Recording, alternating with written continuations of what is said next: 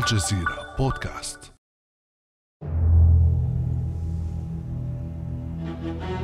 العام 2019 أمام قادة الحزب الشيوعي ومسؤولي الدولة جلس شي جين بينغ رئيس الصين وبثقة بالغة أعلن أن توحيد الصين مع تايوان حتمية تاريخية.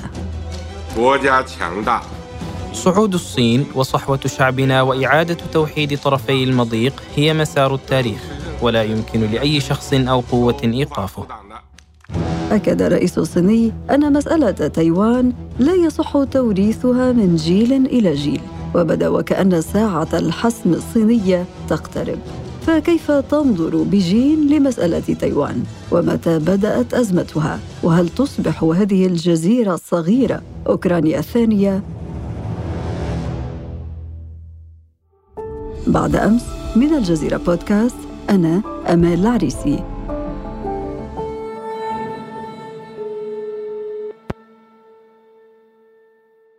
في هذه الحلقة الشارحة عن تايوان نستضيف الدكتور خير ديابات أستاذ العلاقات الدولية في جامعة قطر.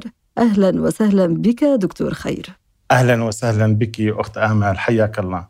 التطورات الأخيرة في تايوان دكتور خير كما تعلم سببها زيارة نانسي بيلوسي رئيسة مجلس النواب الأمريكي إلى تايوان مع وفد من الكونغرس فلماذا ظلت أصداء هذه الزيارة مستمرة حتى الآن؟ في البداية أرحب بك وشكرا للاستضافة الكريمة. يعني إقدام يعني آه، رئيسة مجلس النواب الأمريكي على زيارة تايوان. هذا يمس السيادة الصينية وهذا ما فسرته بكين على أنه يتضمن انتهاك واضح وصارخ لمضامين الاتفاقات ما بين البلدين بخصوص آه، مسألة تايوان منذ سبعينيات القرن الماضي.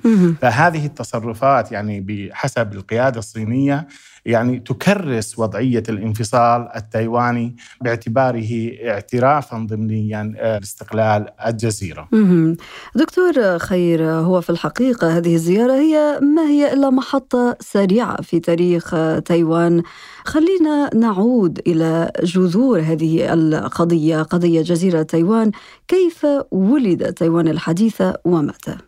التطورات التي يعني تمس العلاقات الأمريكية الصينية يمكن إرجاعها إلى عام 1900 تقريبا.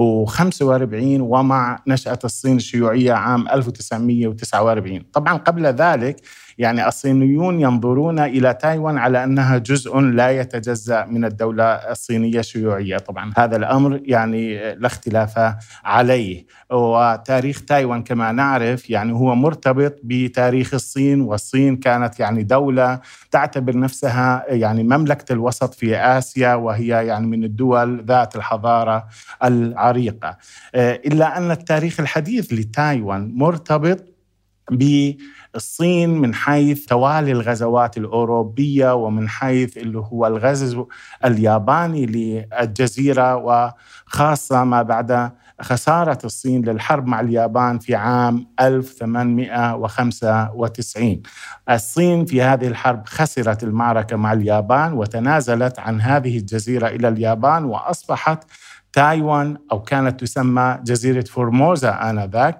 أصبحت مستعمرة لليابان وبقيت تحت سيطرة اليابان حتى نهاية الحرب العالمية الثانية في عام 1945 وكما نعرف يعني اليابان كانت من الدول المهزومة في هذه الحرب وبالتالي يعني أجبرت اليابان عن التخلي أو على التخلي عن هذه الجزيرة لصالح الحلفاء.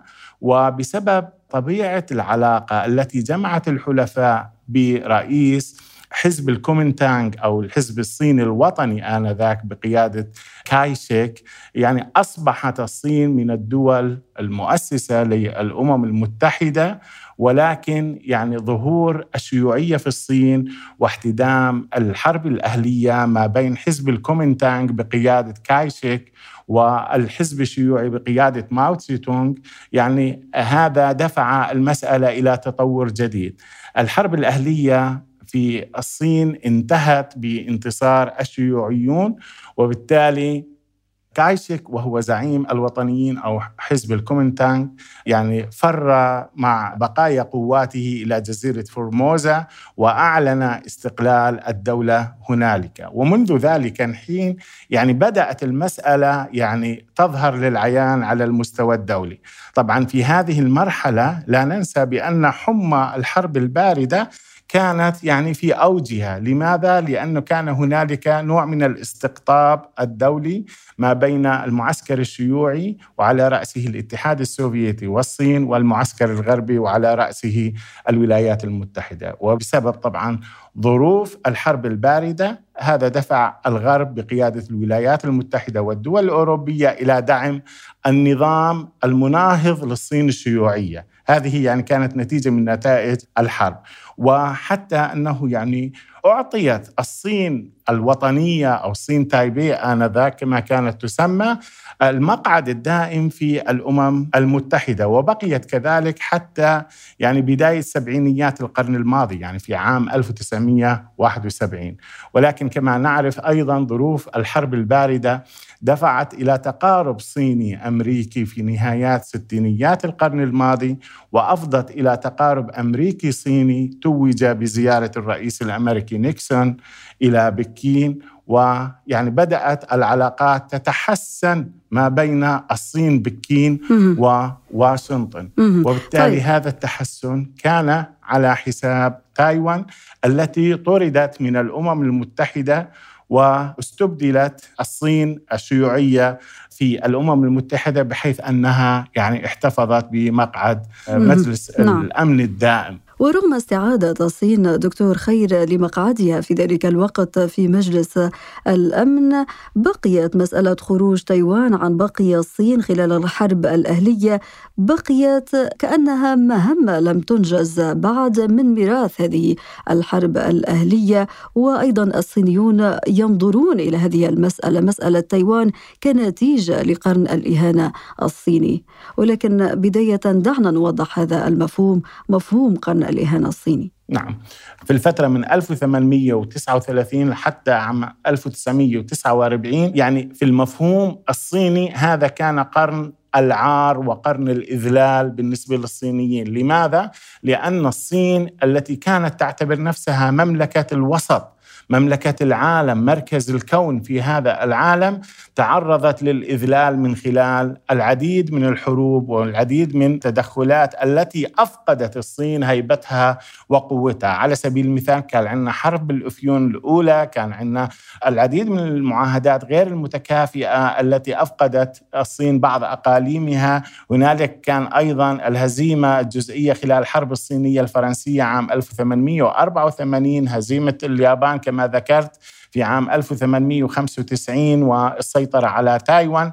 بعد ذلك الغزو الروسي لمنشوريا وهي المنطقة تقريبا الشرقية من الصين والبعثات الأوروبية لاحتلال الصين أيضا. لا ننسى بأن الغزو السوفيتي لشينجيانغ في عام 1934 وأخيرا الحرب الصينية اليابانية الثانية في عام 1937 حتى نهاية الحرب العالمية الثانية. حتى أن ماو تسي تونغ عندما اعتلى السلطة في عام 1949 أعلن عن انتهاء هذا القرن من الإذلال والعار ناظرا إلى المستقبل على أن الدولة الصينية ستكون قطبا في المجتمع الدولي. لا ننسى هنا يعني بأن الصين يعني تنظر إلى تايوان كجزء لا يتجزأ من الصين الأم، الصين الوطنية، وبالتالي يعني هي ترى بأن مهمة الوحدة السياسية والإقليمية للأراضي الصينية لم تكتمل بعد. يعني أريد أن أشير في هذا المقام إلى أن يعني غير تايوان كان هنالك هونغ كونغ التي كانت يعني تعد مستعمرة بريطانية وأيضا ماكاو اللي كانت تعد مستعمرة برتغالية. كانت أيضا تحت السيطرة البرتغالية. الصين يعني دائما كان طموحها منذ إعلانها في عام 1949 أن تستعيد كل الأراضي المنزوعة عنها من تايوان من هونغ كونغ ومن ماكاو. وبالتالي توصلت مع بريطانيا في ثمانينيات القرن الماضي إلى إطلاق مبدأ يعني دولة واحدة ونظامان. وبالتالي استعادت هونغ كونغ في عام 1997 وكذلك استعادت ماكاو من البرتغال في عام 1999 وبقيت تايوان. ولكن في المقابل الموقف الأمريكي أو ما يعرف بسياسة الغموض الاستراتيجي بقيت ساريه منذ ذلك الوقت دكتور خير. فكيف يمكن أن نفهم في هذا السياق موقف واشنطن مما يحدث على مستوى العلاقات المتوترة بين بيجين وتايبي؟ المسألة التايوانية يعني صراحة هي ورقة ضغط بيد السياسة الأمريكية تجاه الصين. يعني وبعد انهيار الاتحاد السوفيتي وبعد اختفاء الخصم اللدود للقوة الأمريكية نظرت الاستراتيجية الأمريكية للصين كخصم محتمل ما بعد انتهاء الحرب الباردة، وطبعا هذه النظرة تعززت من خلال القفزات الاقتصادية والسياسية والعسكرية التي قفزتها الصين، وبالتالي الولايات المتحدة تخشى على مكانتها، تخشى من تراجع تفقد فيه ميزة التفوق على النظام الدولي، ومن سيكون المتفوق أو الخصم المحتمل هو الصين، من هنا يعني تحاول أعتقد الولايات المتحدة بأن تلوح بالورقة التايوانية بين فينة والأخرى خاصة إذا ما استشعرت يعني تحديا صينيا. وهذا يعني رأيناه منذ عام 2013 آه، كما نعرف يعني منذ عام 2013 الحكومة الصينية طرحت مبادرة الطريق والحزام وبالتالي هذه المبادرة إن قدر لها النجاح فهذا سيدفع القوة الصينية إلى الأمام. وبالتالي كانت الاستراتيجية الأمريكية يعني تحاول لجم الصعود الصيني واحتواء القوة الصينية. وبنفس الوقت هي كما أشرت في سؤالك تحاول من خلال بعض الغموض الاستراتيجي هي تعترف بمبدأ صين واحدة وأن السيادة للصين الشيوعية ولكنها بنفس الوقت هي تقيم علاقات مع تايوان على المستوى السياسي وعلى المستوى الاقتصادي والعسكري والثقافي. وهذا يعني طبعا يعني تبرره الولايات المتحدة ولكن يعني الصينيون يعني لا يقتنعون بهذا الأمر. وبالفعل جاء الرد الصيني خلال أيام من زيارة رئيسة مجلس النواب الأمريكي نانسي بيلوسي الإعلان الأخير لمكتب شؤون تايوانية الصيني الذي أعلنه في كتاب أبيض يقول فيه أن بيجين لن تتخلى عن استخدام القوة ضد جارتها وتحتفظ بإمكانية اتخاذ كل الإجراءات اللازمة. وقالت هذه الوثيقة نحن على استعداد لخلق مساحة واسعة للتعاون من أجل تحقيق إعادة التوحيد السلمي لكننا لن نترك أي مجال لأعمال انفصالية تهدف إلى تحقيق استقلال زائف لتايوان. طبعا هذا كله حسب ما ورد في نص هذه الوثيقة.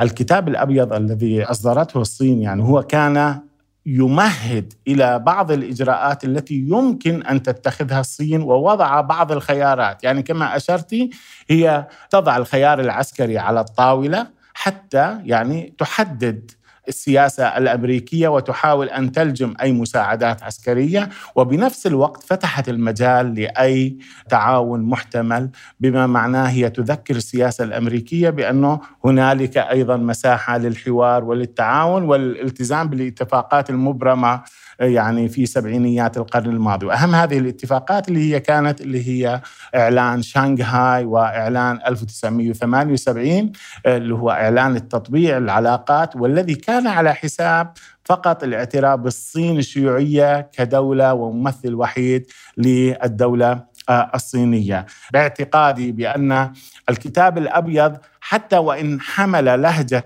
يعني قوية تجاه تايوان وتجاه من يدعم تايوان ولكن الصين يعني هي فقط يعني هذه لهجة إعلامية ولكن لن تدخل بصراع قوة أو صدام عسكري مباشر مع أطراف الأزمة سواء كانت تايوان أو الولايات المتحدة. لماذا تايوان؟ لأن قبل ذلك يعني خلال الحرب الباردة كان هنالك العديد من الأزمات يعني المشابهة لهذا الأمر. في عام 1950 كان هنالك أزمة مباشرة حتى أن الصين حركت قواتها ولكن أيضا كانت ظروف الحرب الباردة كانت تدفع الولايات المتحدة لتحريك أسطولها السابع في مضيق تايوان.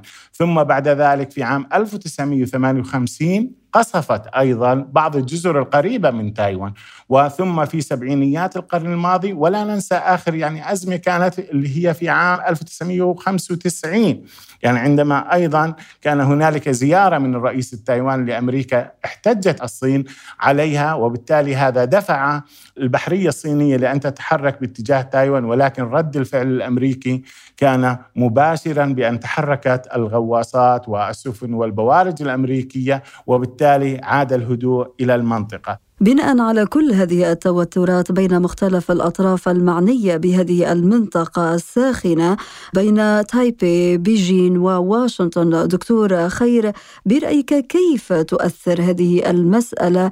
مسألة تايوان على السياسة الداخلية في الصين داخل الحزب الشيوعي وأمام الشعب الصيني خاصة إذا ما أخذنا بعين الاعتبار ما تحدثنا عنه سابقا وهو قرن الإهانة الصيني وما تبعه من تداعيات تاريخية مررنا عليها منذ قليل.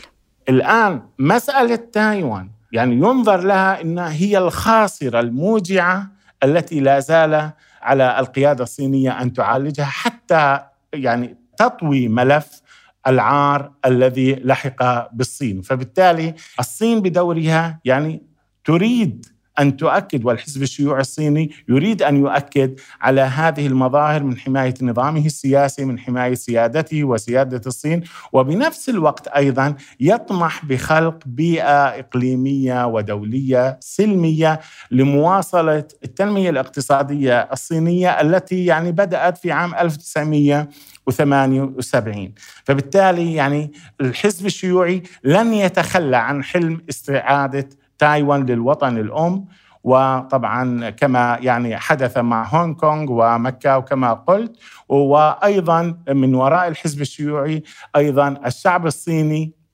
يعني يؤيد هذه السياسة وبالتالي فكرة ضم تايوان تحظى بتأييد عارم في أوساط الصينيين على مختلف شرائحهم ولكن بنفس الوقت يمكن أن تتباين المواقف الشعبية ما بين استخدام القوة أو استخدام الطرق السلمية في هذا نعم. الضم. ولكن في المقابل دكتور خير على الطرف الثاني من المضيق التايوانيون منقسمون أيضا اليوم يحكم الجزيرة حزب مؤيد للاستقلال الكامل وتشير تقارير إلى عدم ثقة التايوانيين في الجيش باعتباره معقل للتيار المؤيد للتوحد مع الصين. فكيف يؤثر هذا الانقسام برأيك دكتور خير على موقف جزيرة تايوان؟ أكيد يعني الانقسام المجتمعي يعني في أي دولة يلعب دور يعني في تحديد بوصله سياستها الخارجية، وكما ذكرت الانقسام يعني ما بين الحزب الحاكم المؤيد للاستقلال وتيار الجيش إضافة إلى بعض الأحزاب المؤيدة للتوحد مع الصين يعني متباينة. ولكن يعني تبقى المسألة بأن هذا الانقسام لا يجب أن ينظر إليه على أنه انقسام يعني واضح جدا ومتباين وهنالك فجوة، حتى أن التيار المؤيد هو يعني يؤيد الانضمام والعودة إلى أحضان الصين الأم ولكن مع وجود بعض الضمانات. مع وجود بعض الضمانات. هذا طبعا قد يثير بعض المخاوف لدى القيادة التايوانية على أن يعني تستطيع الصين أن تخترق هذه الشرائح الاجتماعية أو الجيش ويتنامى هذا التيار المؤيد ويكون على حساب القيادة التايوانية.